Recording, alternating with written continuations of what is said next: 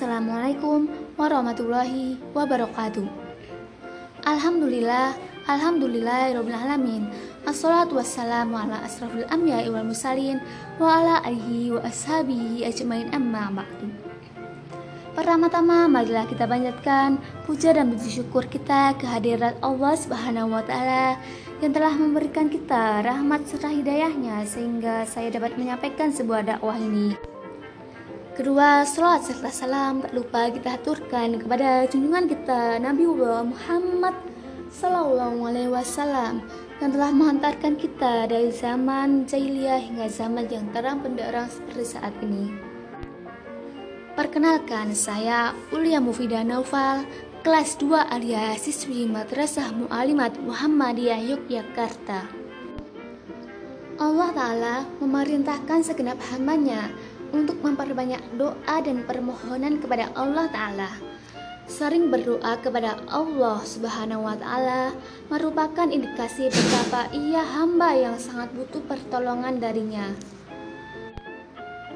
Orang yang selalu berdoa, dia hakikatnya memperbanyak ibadah kepadanya, dan juga seorang insan yang begitu mencintai Zat yang Maha mengabulkan doa.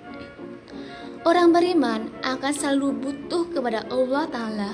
Ia merasa dirinya tak memiliki kekuatan tanpa bersandar serta bertawakal kepada Zat yang Maha Perkasa dan Bijaksana.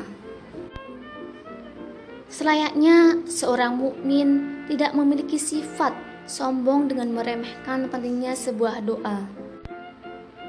Sebuah kenyataan memprihatinkan ketika banyak kaum muslimin terjebak dalam kesyirikan dengan berdoa kepada selain Allah Ta'ala.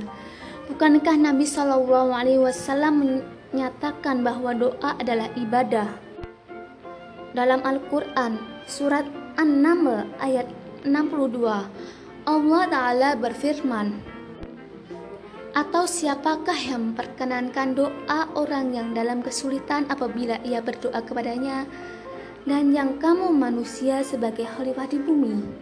Apakah di samping Allah ada Tuhan yang lain?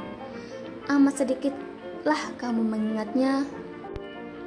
Hendaklah seorang muslimin senantiasa memurnikan doanya kepada Allah Ta'ala agar ia dicatat sebagai hamba yang bertakwa dan orang yang berdoa kepada selain Allah Ta'ala maka doa itu akan sia-sia belaka dan tak memberi manfaat bahkan akan dimurkainya. Maka dari itu, wahai saudaraku muslim, jauhilah berdoa dan memohon kepada selain Allah Ta'ala, karena hal itu akan membuatmu kafir dan tersesat. Berdoalah kepada Allah Ta'ala yang mempunyai kemampuan mengabulkan sehingga engkau akan menjadi orang-orang berimannya bertauhid.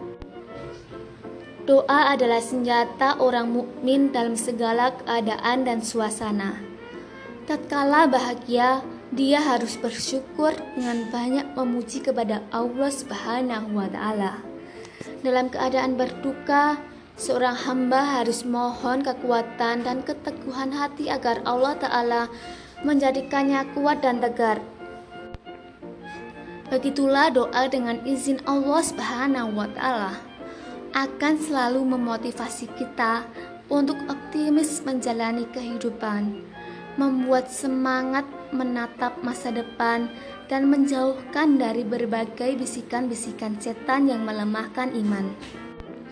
Betapa dahsyatnya kekuatan sebuah doa. Banyak kesusahan diangkat, penyakit disembuhkan, kesuksesan diraih, dan berbagai prahara kehidupan dapat diselesaikan dengan doa dan pertolongan Allah Subhanahu wa taala. Sesuatu yang sepertinya mustahil terjadi bisa menjadi kenyataan indah karena kekuatan sebuah doa yang diucapkan dengan ikhlas kepada Allah taala. Dengan kesabaran yang disertai keimanan yang mantap, hanya fokus pada pertolongan Allah Subhanahu wa taala. Jangan berputus asa ketika doa belum dikabulkan. Yakinlah Allah Subhanahu wa taala akan mencintai orang yang banyak bermunajat kepadanya. Bisa jadi doa Anda dikabulkan dalam bentuk yang lain atau dikabulkan di akhirat. Yang pasti Allah Maha mendengar lagi mengabulkan doa. Sekian dari saya. Mohon maaf jika ada salah kata dan perbuatan. Bilahid taufik wal hidayah. Mu'alimat, pusat keunggulan perempuan berkemajuan. Wassalamualaikum warahmatullahi wabarakatuh.